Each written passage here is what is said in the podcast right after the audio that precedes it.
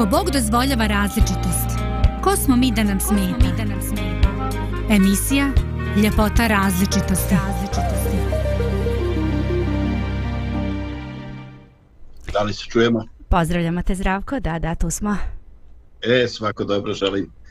Ovaj, pozdravljam ekipu u studiju i, i, i slušalce. Ovaj, drago mi što smo danas uh, zajedno i što imamo jedan uh, predivni stih koji nas e, poziva na praštanje. I ne samo da nas poziva, nego nam hoće reći da je to ovaj nešto što se ne može preskočiti. Nešto bez čega jednostavno ne može se živjeti. No da ne duljim, ovaj, pročitaću ovaj, stih koji se nalazi u ranom dijelu Ive Andrića Expund. E, uglavnom vjeruje se da je on naslov e, kao za izbor naslova da je imao inspiraciju u dijelu latinskog pjesnika Ovidija koji je napisao Epistule Exponto. Znači Ovidije se radi i on je pjevao svoje utiske iz progonstva u Pontu na obali Crnog mora gdje je bio protjeran od strane Oktavijana Augusta. Dakle simptomatično jeste ovaj e, ovo prvo dijelo govori o prognanosti, a Adrić govori o utiscima života izabrao je naslov koji e, govori o progonstvu, o nekom stanju ili mjestu koje nije prirodno za čovjeka. E, no, kao što ne duli, pročitaću ovaj stih koji bi trebao biti ovaj uh, uvod za naše današnje družene i razmišljanje. Tako je teško, tako se teško živi tako se kratko živi. Pa još dobra polovica tog teškog i kratkog života nam prođe u mržnji i nesporazumljama. Oh, ugasite mržnju. Ljudi su nam potrebi i nikako se, nikako ne može živjeti bez oproštenja. Svi su mi ljudi i tekako potrebni. Svi. Od one starice koja me je primila na ruke kad sam došao na svijet, pa do onoga nepoznatog prolaznika koji će kad budu mene nosili na neko groblje, neki ljudi skinuti kapu i prekrstiti se i zaželjeti mi vječni mir i laku zemlju. Vječni mir. Kako je dobra i velika i lijepa ta želja. O nepoznati dobri čovječe, blagodarim ti za tu želju tvoju. Ovaj, evo mislim da bi sve što bi sad na ovo dodao ovaj, eh, bilo viška, i čini mi se ovaj ovo dobar trenutak Lidija da te zamolimo za uh, na samom početku jednu muzičku pauzu. Može, naravno.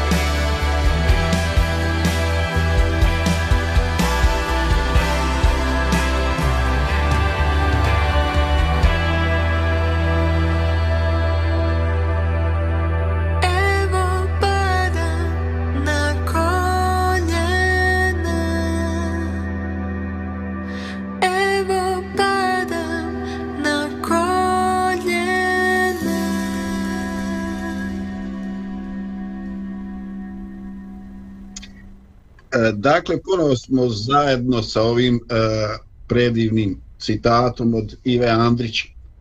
Ovaj, I na samom početku Andrić kao da kaže ljudi stante malo, pa de sagledajte situaciju, nema ovo nikakve računice, nećemo mi ovdje sa hleba nesti, neće to na dobro izaći. Jer kaže, M je život kratak, M je, ovaj, mučim se u njemu. I onda još od toga svega mi dobar dio toga života provedemo u nesporazumima, u sukobima. Ovaj, stvarno, možda pitanje djeluje malo profano, ali kako vi vidite, koji su dakle uzmaci, u čemu je to prokledstvo, šta ljudi pronalaze kao razlog ili makar povod za svoje sukobe. Zašto ne možemo živjeti lijepo, ako ne uvijek jedni sa drugima, onda bar jedni pored drugih. Šta je to? Šta nas to muči? Fu, pa, to je biti čovjek, biti, biti čovjek znači biti u konfliktu. Zato što šta nas muči? Muči nas naša priroda. To nas muči. E, problem je, sad možemo baš da idemo mnogo široko o svemu tome, problem je naše ja, problem je naša sebičnost, problem je naš egoizam, problem je što ne mogu da pretrpim da bilo ko mi kaže nešto. Ma najmanja kritika kod mene odmah me pogodi a da ne govorim da te neko još udari ili da ti neko nešto tako naže uradi. Odmah se budi naša priroda i odmah ja želim da se osvetim ili želim da se odbranim ili ili nosim ogorčenje mjesecima u svom srcu pa što više sam ogorčen to onda se pojavljuje mržnja u mom srcu a ta mržnja onda donosi i neke negativne postupke prema, prema tim osobama. E, tako da nije jednostavno se riješiti toga, jer eto, kao rekao sam, to je naša priroda. Ali ja opet smatram da, da, da neki Boži plan transformacije čovjeka uključuje promjenu prirode. Umiranje sebi, umiranje našem ja, i onda bi sve stvari došle na svoje mjesto. Eto, to je već kondiciona ja tebe kad slušam, ja sam zaključio s tobom spravo ne, vrije, ne, ne valja ovaj kačit čovječ. Ti to kad nabroja, ti se onako baš ovaj ne, nezgodan lik, ej, svašta ti tu nabroja. ti to pričao samo svoje osobine ili naše ljudske, onako malo da dam priliku uzmicanja? Pa ne znam, evo ti razmisli ima li toga kod tebe ili nema. Pa, a, vidim, uspješno si mi to vratio. Da. Ima buraz, ima, ima i kod mene toga, ovaj, sad, a, teško mi je izmjeriti.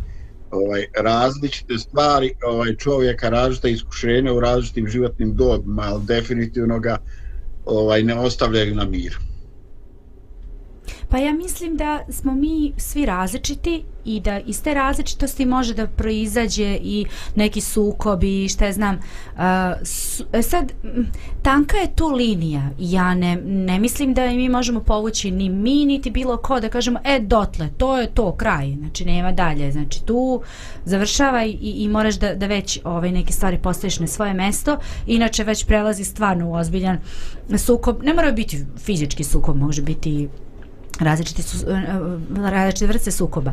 Ali hoću da kažem, znači vrlo je tanka tu linija između tog nekog napretka zbog te različitosti koja postoji među nama i između tog trenutka kada već to prelazi u neku um, situaciju koja nije baš tako poželjna. Da, i ta različitost može da bude nešto i pozitivno. Ne, nekad da, se ljudi oduševe, znači tim različitostima i onog oduševe se što, što što nekoga dopunjava nečim što što ovaj drug što nema. Nije, pa jest. I to je onda super. A sad, šta je problem kod problema?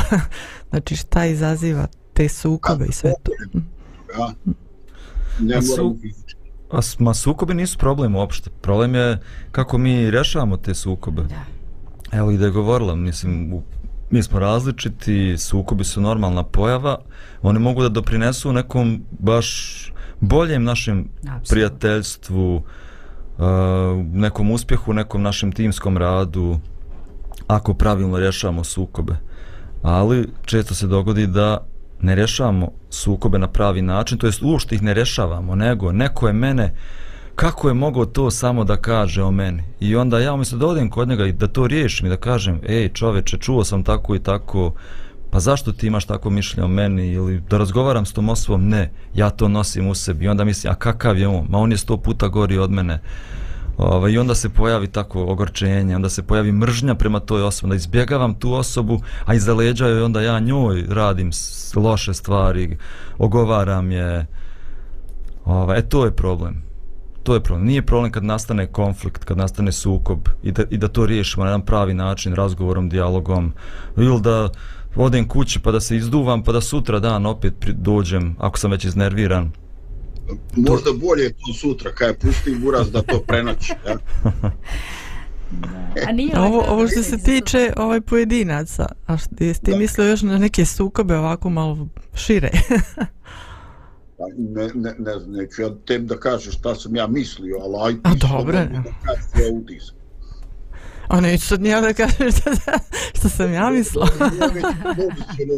Zezam se. Idemo mi natrag na Andrića, ovaj, e, znate šta ovako, ne znam je li vama zapalo to u oči, ali Andrić e, koristi ovako e, imperativ i koristi jedan neobičan glagol i on kaže ugasite mržnju. Čoveče, znači upotrebljava glagol zapovjednom obliku i koristi riječ ugasite zašto mislite da čovjek koji je Nobelovac, dakle virtuuz riječi, za ovo što se prvenstveno, ovaj, e, kao i Božo što kaže, nešto proizilazi iz našega bića, iz naše prirode, iz našega ega, ovaj, koristi ovaj izraz u. Je li tu nešto zapaljivo? Nego šta? Znači, super, ta, ta on, izraz je super baš, ovaj, i baš, baš uklapa se u sve to. Ja odmah vidim vatru, ono, iskrica, pa onda mala vatra, pa koja se dalje širi, širi, širi, sažiže sve što ne treba. da, ja se slažem, super je. Da, ja sam brv, a? Mislim da je super, super je izraz koji on koristi, zato što mržnja jeste kao jedna plamen, koji će da uništi kuću. Znači uništit će moj život ako nastavim da mrzim, ali također će i da se prenese i na druge kuće i na druge ljude i zato je potrebno ugasiti. Samo je pitanje kako to ugasiti. Mm, to je baš... Je li ima neka čudesna voda kojom se to gasi? Da, neki požari sa Dragara ne gase vodu. Ali hoću da kažem, zavisi od temperamenta, dalje. znaš. Nismo mi svi isti, različiti smo i temperamenta, neko brže plane, neko sporije plane. Ne znam. Da, dobra je stvar, Lidija, ti što brzo plaviraju, najčešće se spor, brže i gase. ovaj, no, a, idemo, ajde pokušamo to još ovako malo, malo rašlaniti, odmotati i tako. Boždar je već to spomenuo, ovaj, e, e, mi vjerujem da se svi slažemo da je mržnja ta negativna odsećanja da su ona ovaj destruktivna. Ali volim malo da čujem vaše iskustvo. Dakle e, kako to djeluje? Kako se to prenosi? E, na koga je to usmjereno? Na kraj krajeva kome to donosi zlo? Ko su sve žrtve? Mržnje recimo između dva čovjeka. Negativne osjećanja ili makar koji prijete da pređu nešto što je netolerantno maksimalno. Ma prva žrtva sam ja, prva žrtva smo mi. I najveća žrtva sam ja. Šta neko zna da, da ja mrzim?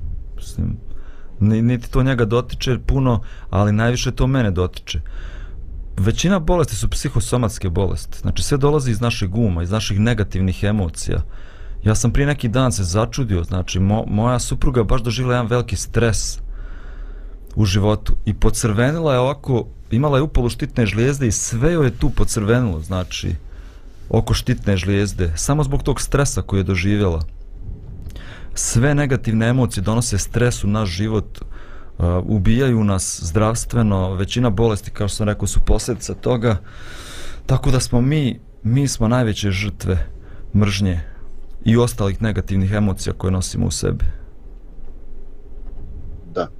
To definitivno, definitivno. Ali ja stvarno ne mogu da ne kažem da ovaj e, nevjerovatno da smo možda preokupirani doša, dešavanjem e, unutar nas i dešava i preokupirani smo reakcijom one druge osobe prema koje gajimo negativne osjećanje. Ali ovaj e, htio bih da kažem da mi stvaramo i neku opštu situaciju na lica, na osobe s kojima smo okruženi. Dakle, e, kad smo mi, ovaj, mi to e, prenosimo i posebno, posebno razmišljam o djeci. Znači, nije potrebno ovaj mi ništa da kažemo. Ne trebamo mi njima davati upute, ovo je dobar, ovo je loš komšija. Znači, oni će nepogrešivo po izrazima našem licu, po nečemu što je neka, aj pusti to, pusti njega, reci da nisam tu, ovaj, oni će nepogrešivo stvarati dojmove o drugim ljudima, možda o drugim porodicama i mi u stvari pravimo e, temelj za neki odnose e, između dva prezimena, između naroda, između religije i svega. Dakle, e, to je zlo čovječa zarazu. I zaista, zaista, ovo je fantastično, Andrićo, gasi to čoveče, izgori, prenese, ne znaš dokle će taj požar. Ovaj, ja sam jednom u životu ovaj, prisustvovao, bio u opasnosti ovaj, da ha, nevsvjesno napravim po, požar uh, u Strnjici. Znate ono tamo gdje je ovaj, požaveno žito i onda je ostalo od, od pšenice, ne znam od čega onako, šta znam, desetak centimetara. Ja sam tu htio da ovaj naložim neku vatru, bilo je to neko kampovanje koje je trebalo prerasti u pecanje i kad je to ludlo krenulo, na svu sreću imao sam jednog brzog i podzimljivog prijatelja, ovaj, znači sekunde su odlučivale hoće li to se proširiti. To ide, to hvata oko sebe sve. Tako da ovaj, e, zlo je zaista nešto što treba gasiti prije što se otme kontrolu. Jer bez obzira kakva mi negativna iskustva i kakva osjećanja imamo, nekad se sami šokiramo dokle je to otišlo. Dakle, gasi prije nego što se otme kontrola. Eto, prije našeg ovaj, e, nastavka, našeg razmišljanja, ovaj, možemo napraviti još jednu pauzu.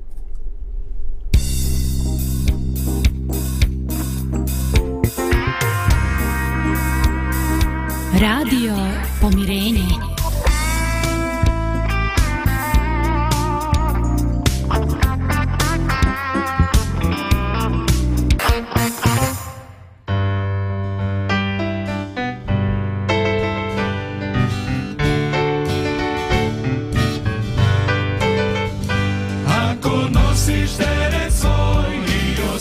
Weźmy me.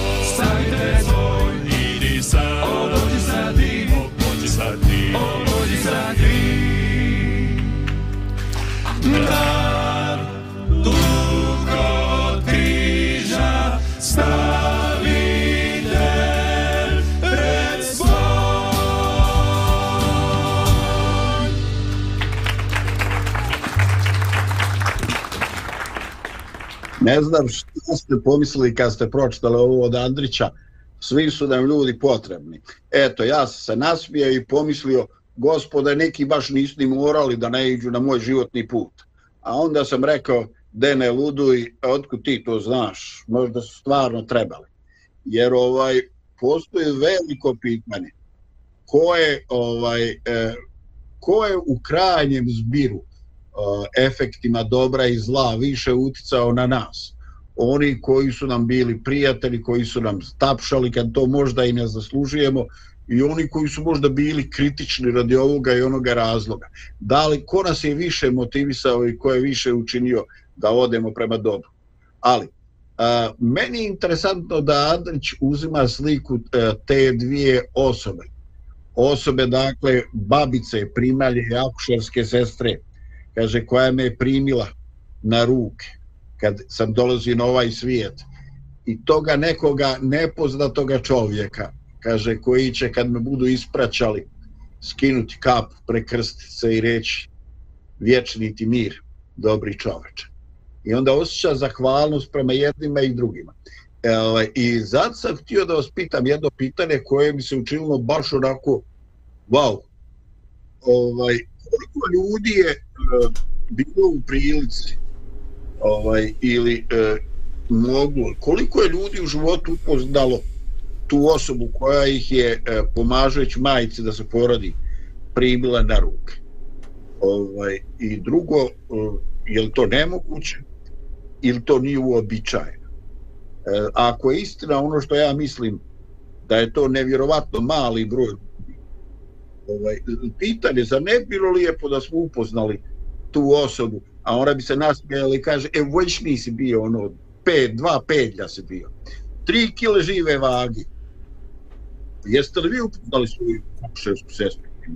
Pa vidi Zdravko, ja mislim da, da e, čini mi se da sad u sadašnje vrijeme uh, u odnosu na ono vrijeme ranije uh, mame se nekako bolje pripremaju za, za porođaj pa onda kad planiraju porođaj onda ona kaže dobro ok, idem na kontrolu kod tog i tog doktora, a onda planira da me taj doktor ili koga mi on preru, preporuči da me taj doktor porodi. I onda se sve isplanira, isplanira se vrijeme, isplanira se sve tačno da taj doktor bude e, prisutan, da to ne bude možda babica samo, nego da ipak bude doktor prisutan, pa se onda to dobro plati, pa, znaš, sve to danas funkcioniše ipak malo drugačije nego što je možda bilo nekad. Ovaj, u mom slučaju ja ne znam ko je mene porodio i ne znam ko je porodio moju decu. Znam na papiru, ali ne znam jer se dogodilo 9 dana ranije i bez obzira što su neke stvari bile planirane ovaj, desile su se i slučajno ali da, generalno generalno ljudi ovaj, čini mi se možda ranije i nisu baš znali te stvari. Andrić je prikazao jednu romantičnu sliku onako naš porođaj pa ovako znaš pa onda. Još pogotovo ovo na kraju ovaj dobri ljudi dobri čovječe kad se opraštaju od tebe pa i kaže svi su mu potrebni čekaj malo, je bilo oni koji kažu jeste ovaj Andrić grozan, majko moja. Da. Je, jesu ti takvi ljudi potrebni? Evo vidi, vidi, Daga nam, nam baca izazov, da ne kažem ko. Da, da, da, malo onako, znaš, da. vidi, vidi, vidi, ono, razumiješ, daš svoj doprinos emisiji.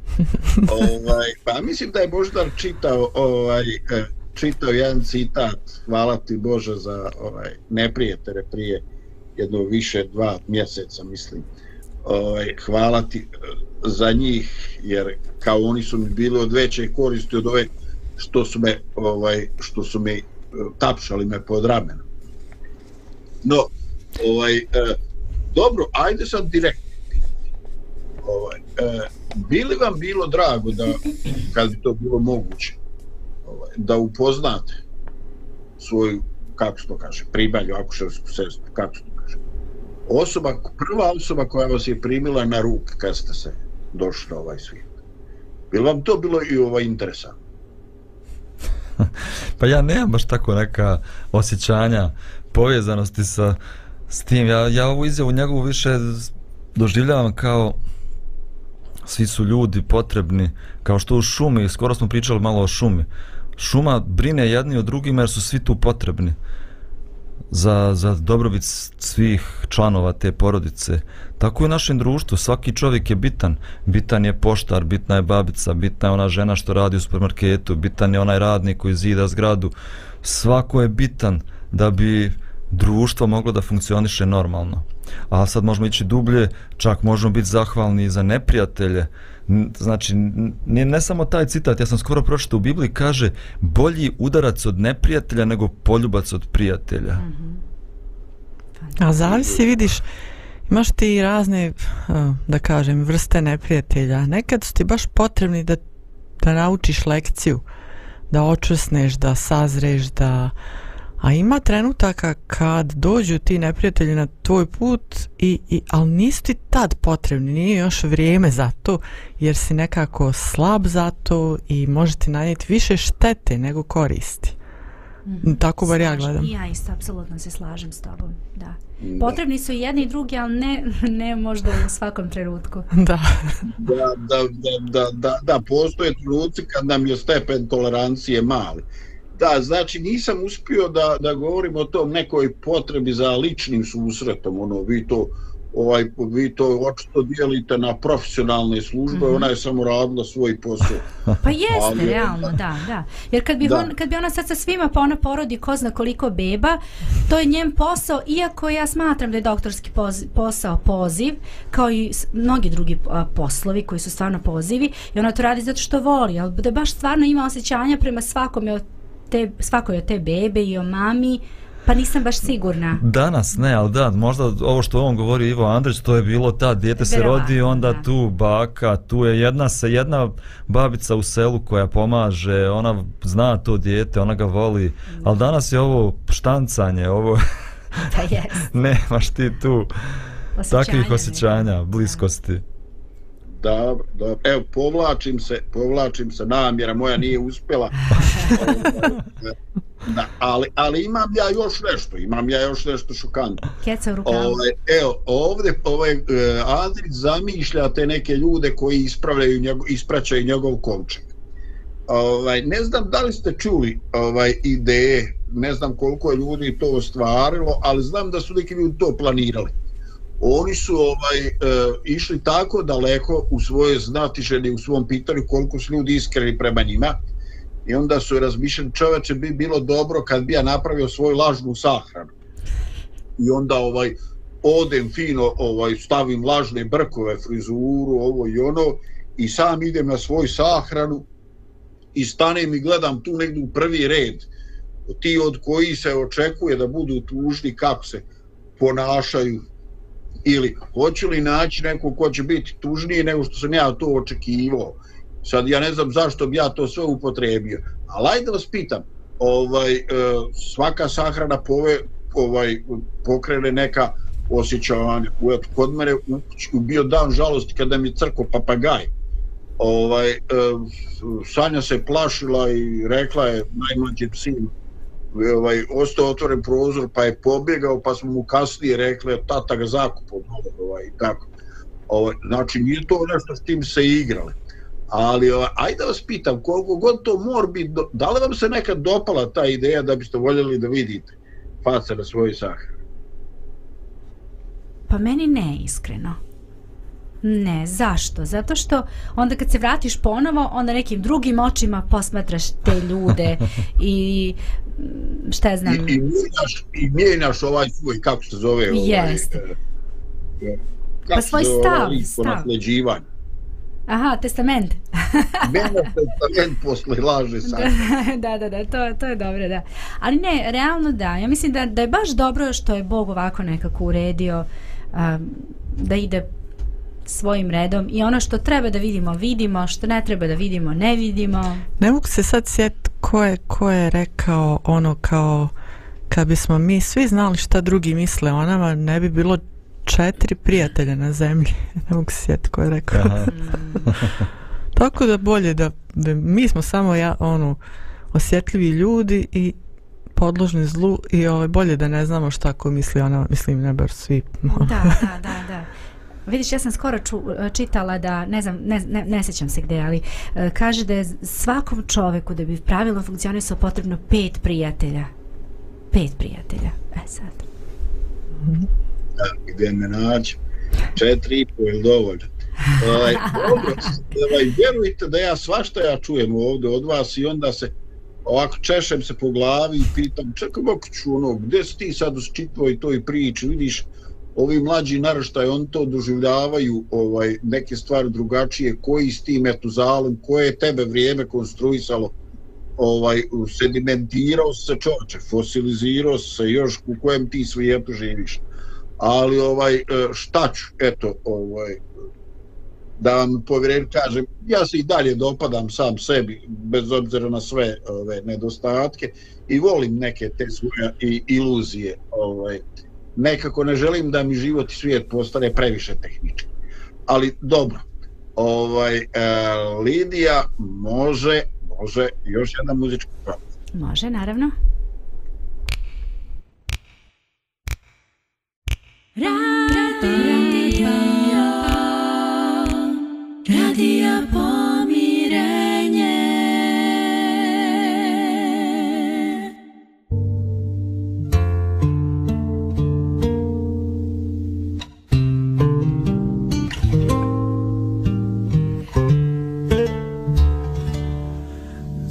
Sam kao prašnja prozor Što ne propušta tvoj sjaj. Zašto sam kao kasna zvezda Na već plavom nebu? Zašto kad želim da ti dam Moje srce je kamen? Da te jače volim Želim sad ja.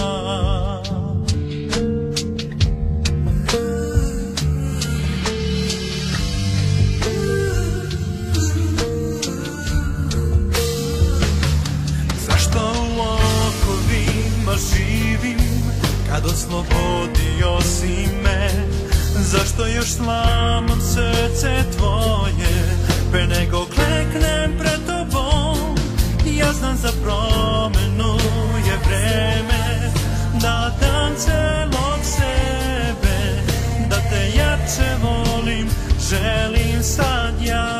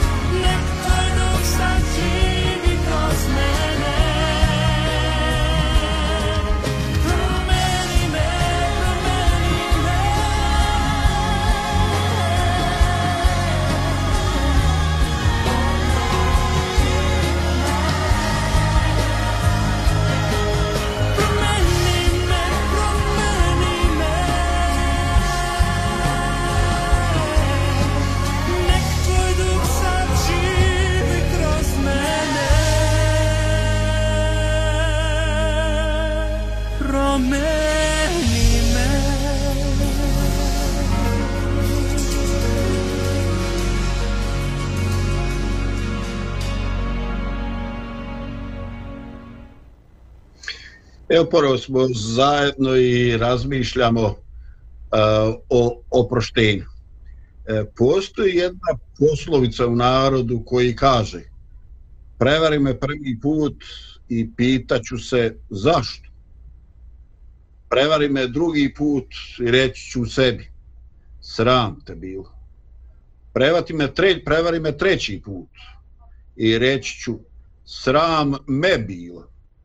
Eto, ovaj, e, da li u vašem životnom iskustvu e, je situacija ista prije i posle praštanja? Ili se nešto promijenilo? Ako jeste, šta se promijenilo?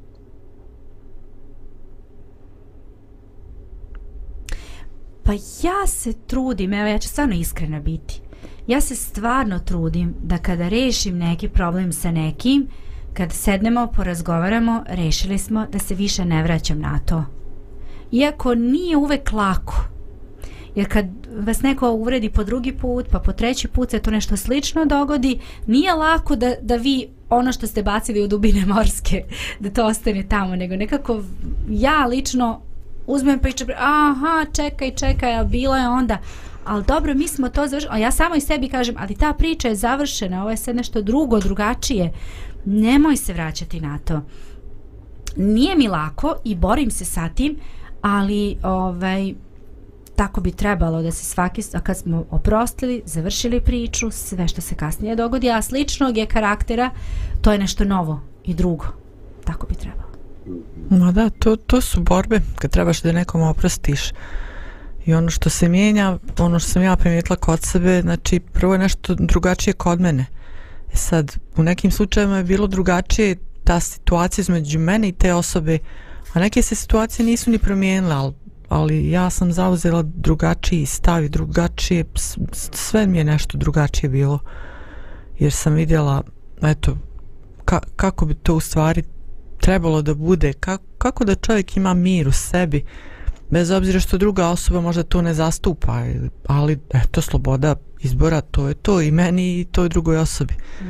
Ovaj, sad, ne znam kako prema mene gledaju one druge osobe, ali, znači, to je isto jedno iskustvo, znači, um, i to što Lidija kaže, uh, kad, kad baciš nešto u dubine, to, to nekako isplivava nekad, ovaj, kao neka kušnja, nešto tako, neki test, e sad, ha, ja nekad shvatam to isplivavanje tih tih prošlih događaja kao neko ono upozorenje ej pazi malo nemoj nemoj sad totalno da vjeruješ toj osobi.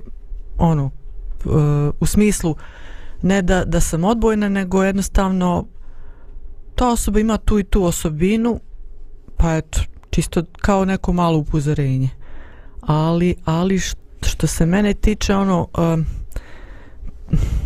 to, to je velika stvar, ovako da ne dužim. Ovaj, uh, jednostavno, čovjek i kad, um, i kad se nađe u, ra, u bezlaznoj situaciji gdje je i ponižavan, i mučen, i šta ja znam, jednostavno, um, trebalo bi radi svog dobra, a i tuđeg, da jednostavno oprosti toj osobi koja ga i ponižava i muči i radi svašta sa njim. E sad šta će ta dalje osoba uraditi, ne znam. Ja mislim... Evo, evo, ajde. Mogu da ste mi iskomplikovali, iskomplikovali za onu proceduru. Ovaj, e, ovaj, e, Bože, izvini, ovaj, samo za tren moram, moram reagovati. Ovaj, Lidija, to je posve jasno, mislim, ono, pazi, ako mi ovaj e, vraćamo, što kaže, ovaj, dao sam ti, ali ti prigovaram, razumiješ, ono, mislim, pa to, nisi mi ni dao čoveče, nego sam e, stavio polog da me držiš u šaci i da mi prigovaraš stalo. Ili oprostio sam ti, ali ćeš bi biti kriv idući 30 godina. Ja ne vidim u tome, ne vidim u tome ovaj, oproštenje. Ali s druge strane, ovaj, eh, vidim Dragana priča o nekim težim, težim oblicima i nekako sam ja na tragu toga što čujem od, od, od tebe Dragana. Ovaj, mi jednostavno moramo ovaj, eh, po neko iskustvo imati iz svega ovaj, i shvatiti da postoji neki prostor integriteta i da taj prostor integriteta ne narušavamo ni kod drugih ljudi s jedne strane, ali da neki način čuvamo ovaj i sebe i određenu ovaj e, distancu koja će jednostavno smanjiti mogućnost da budemo povrijeđeni jer onda ovaj e, možda je u pitanju samo naša glupost. Ako smo iznova iznova povrijeđeni možda jednostavno nalazimo pravi način da se da se postavimo ovaj ali u svakom slučaju evo evo baš onako grije mi se glava ko motor od fiće ovaj baš ste baš ste ovaj zagazili u temu Izviri Božidara izvoli Pa htio sam malo da govorim o tome kako se dešava ta transformacija, oproštenje. Znači, tamo ima jedan tekst u Svetom pismu koji kaže dobro drvo donosi dobre plodove, a loše drvo donosi loše plodove. Mi nekad vidimo u našem životu te loše plodove, mane, nedostatke, e, mržnju u svom srcu, ogorčenje i ko zna šta još vidimo. I onda se fokusiramo da to savladamo kao da popravljamo te jabuke koje su loše. Umjesto da se fokusiraš na drvo, fokusiraš se na jabuku. Fokusiraš se na neku svoju slabost i radiš na toj svojoj slabosti. Umjesto se fokusiraš na drvo, a to je naš, naše srce, to je naš karakter, to treba da se promijeni, transformiše, da bi automatski sve to izvana došlo na svoje mjesto i da bismo donosili dobre plodove u našem životu. Što znači da više ja nikad neću ni da, ni da dopustim sebi da nekome da neko može da me povrijedi da bi ja nosio ogorčenje i mržnju u svom srcu. Ne znam, ako je pas mrtav, ti možda ga udaraš, možda ga šutiraš, on ne reaguje uopšte. E pa tako bi ja volio da ja isto živim da ja tako umrem sebi, da moje ja nestane iz mog života, da moje ego nestane. Može neko da me šutira, može neko da me psuje, može da mi govori ne znam šta, ali ja nemam ni trunke ogorčenja, nemam mržnju prema toj osobi. Imam sažaljenje možda, žao mi je te osobe. Nisam ja to dostigao još uvijek, ali volio bi da to dostignem i zato se manje u životu fokusiram na neke pojedinačne slabosti, grijehe, padove, a više se fokusiram da uz Božju pomoć izgrađujem svoj karakter. Ovaj Bože, to je meni ovaj uh, fantastično ovaj kao ideja. Ovaj no, ovaj, ja sam u životu gledao dosta tih orako, ovaj, eh, dosta tih nekih filmova kad sam bio mlad, a ja već jedno 15-20 godina gotovo ne gledam filmove. Ovaj, I onda sam, ovaj, sreo sam neke interesantne likove tamo. Ovaj, e sada, ovaj, ti govoriš o tome da te to ne dotiče. A ovaj, govoriš o principu ljubavi i tako, ovaj, ja shvatam da se to odnosi na da nema potrebe da budeš ovaj da se čovjek ugrožen ugroženo povrijeđeno da pati ne daj bože da mrzi. Ovaj ali e, ponekad ljudi kad to slušaju misle da se tu radi ovaj o jednoj pasivnosti. A ponekad je pasivnost e, bude protumačena kao bespomoćnost. I onda neko ko je stoka razumiješ ko ono baš ovaj e, navukao se na to da kini ljude ovaj doživi to kao priliku ono nekažnjeno da da sprovodi svoj tere, teror. Ovaj evo baš se na Facebooku pojavila jedna slika. Očito da se radi o momku, ne znam šta je napušen, šta je. Ovaj izgleda on to radi pro, prođe i onda suši onu ovaj e, za smeće, kako se kaže, kontejner. I onda neko to snima, očito da je to viđeno da on to radi kad prolazi i onda prijeđu trojica baje, zgrabe ga ispod pazuha, vrate ga, de ispravi taj kontejner i on vidi vrag odnio šalu, nabildani su momci i popravi od taj kontejner, onda on uzmu pa ga bace u taj kontejner i kaže, aj zdravo, nemoj to više raditi. Ovaj, e, ako se ponašao po zakonu ljubavi, znači nema razloga da bude povrijeđen i da se sveti ali ovaj da li to ponekad znači da mi ohrabrujemo ovaj zlo ili se jednostavno zlu u nekim oblicima treba suprotstaviti?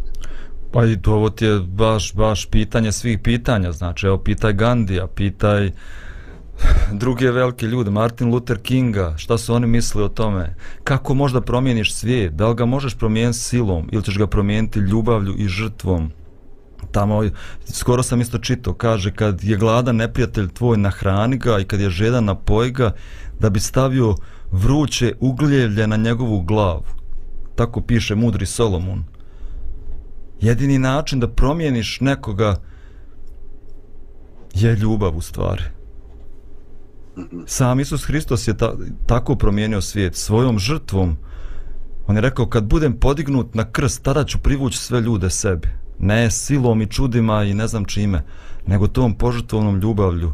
Tako je Gandhi promijenio Indiju, tako je Martin Luther King promijenio Ameriku.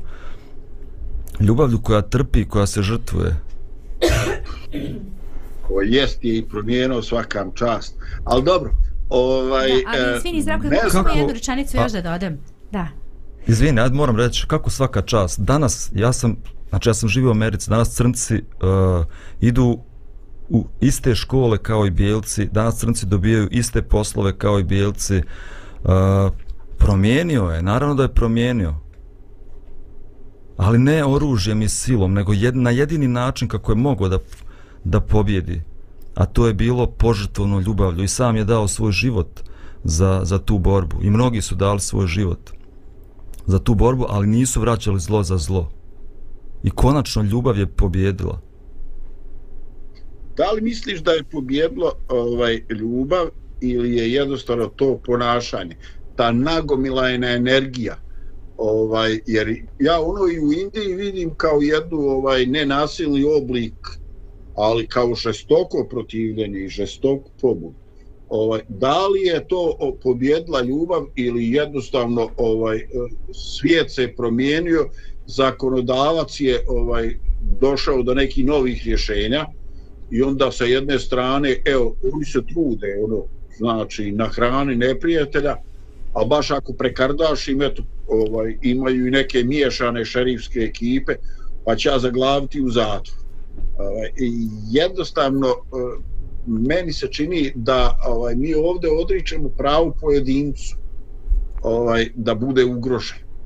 Ali ovaj e, veoma malo se mijenja e, osim u pojedinačnom slučaju ovaj dogod ne postoji neko sazrijevanje društva i dogod taj koji čini zlo da nema neke posljedice svoga činjenja zla.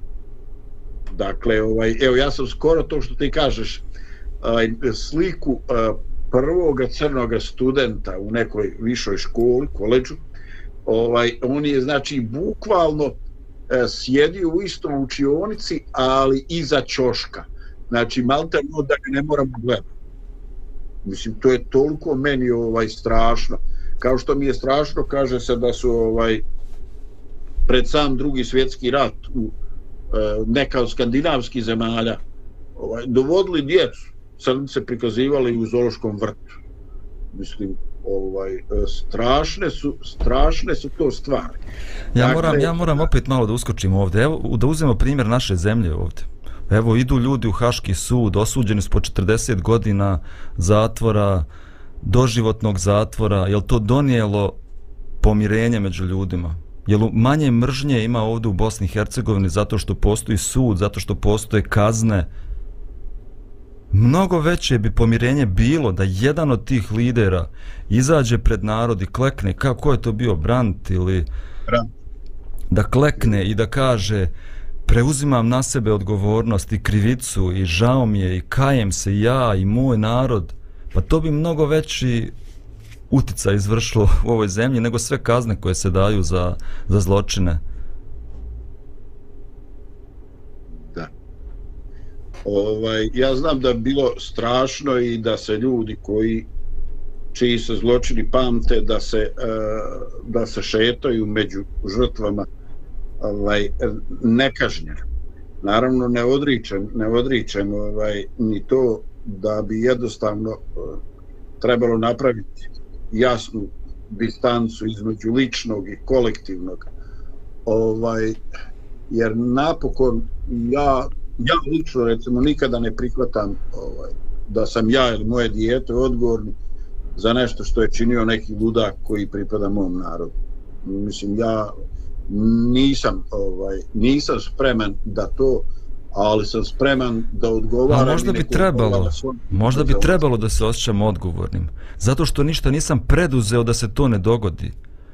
Ili sam čak i učestvovao time što sam dolazio na mitinge. Ja sam bio, ja sam bio srednjoškolac, ja sam dolazio na mitinge Vojislava Šešelja u Banja Luci. Uh, hodao sam gradom, uzvikivo ne znam kakve parole. Neto, nisam ja nikoga ubio.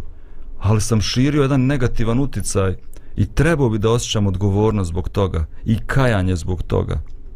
I ako ništa toga nisam uradio, opet bi trebao da osjećam kajanje zašto ja nisam stao i javno rekao i osudio grijeh i osudio nepravdu i osudio mržnju moga naroda, mislim, ljudi u mom narodu, nego sam bio pasivan, pobjegao sam u Njemačku, izbjegao sam odavde, pa trebam da nosim, da osjećam odgovornost zbog toga. I svako treba da osjeća odgovornost ko je ovdje živio i ko je mogao da nešto uradi, a nije uradio. Ovaj, dobro, očito je, očito je tema koju ovaj, je puno društveno kompleksnija. Ovaj, I naravno da je u redu da mi se očitujemo po tim pitanjima kao što je sasvim jasno da mi to ne možemo ovaj dovršiti niti dati neko rješenje koje će zadovoljiti većinu ljudi. No napokon bitno je da se teme pokrenu i da ljudi se zamisle kako nad ličnom, tako i kolektivnom odgovornošću. Dobro, prije zadnjega dijela našeg današnjeg druženja, ovaj, e, evo mi koliko vidim i nemamo prostora, raspričali smo se, ovaj, ja bi sam pročitao jedan stih e, koji kaže e, na dva markantna mjesta Isus pominje praštanje. Na krstu on kaže oprosti im oče ne znaju šta čine. A u molitvi oče nas kaže oprosti nam dugove naše kao što mi opraštamo dužnicima svojim. I onda polako mi se e, probuđuje e, svatanje onoga što je Andrić ovaj, želio da kaže.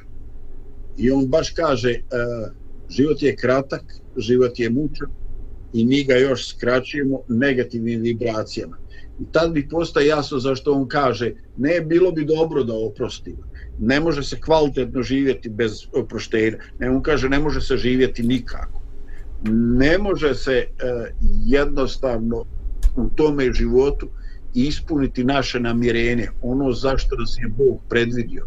Ne može se jer e, izgubit ćemo promašit ćemo i veliki, e, veliki dio našeg potencijala ovaj proći će uludo. Zašto? I to što nam je u životu dano zagadimo negativnim osjećanjima, otežavajući, prljajući život i oduzimajući radost života sebi i drugima. Eto, to ja želim vama, svojim saradnicima u studiju i našim slušalcima.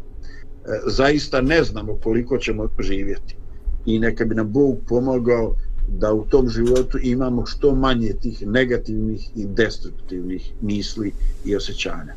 Hvala vam na podršci i hvala vam što ste ovaj razgovor učinili interesantno. Pozdrav, pozdrav svima. Thank you.